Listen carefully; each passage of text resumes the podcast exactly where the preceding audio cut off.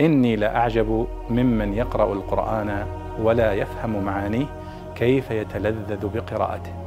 كيف يتلذذ بقراءته. سائل يسأل عن معنى قوله تعالى مثابة للناس في وصف المسجد الحرام. في قوله سبحانه وتعالى وإذ جعلنا البيت مثابة للناس وأمنا. فيقول ما معنى مثابة؟ فالجواب أن مثابة هنا هو مصدر. من ثاب يثوب إذا رجع مرة بعد مرة. فالله سبحانه وتعالى قد جعل البيت الحرام في مكة المكرمة مثابة يعني مكانا يثوب الناس إليه ويعودون إليه مرة بعد مرة. فيعتمر المرء المرء يعتمر ثم يعود ثم يعود. يحج إليه الناس بمعنى يأتون ويعودون ويثوبون إليه مرة بعد مرة. لأن ثاب في اللغة بمعنى رجع. إلى المكان الذي كان فيه.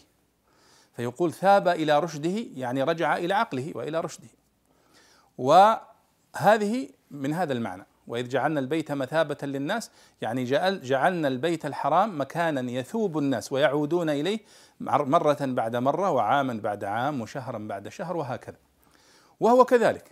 فالمسجد الحرام ومكة المكرمة نحن لا ننقطع عنها نثوب إليها نرجع إليها مرة بعد مرة.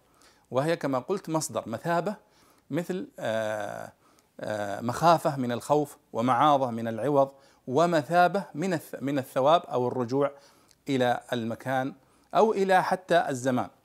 فالمثابة هنا هي مصدر ميمي من ثاب يثوب إذا رجع. وإذ جعلنا البيت مثابة أي مكانا يرجع إليه الناس مرة بعد مرة. والله أعلم.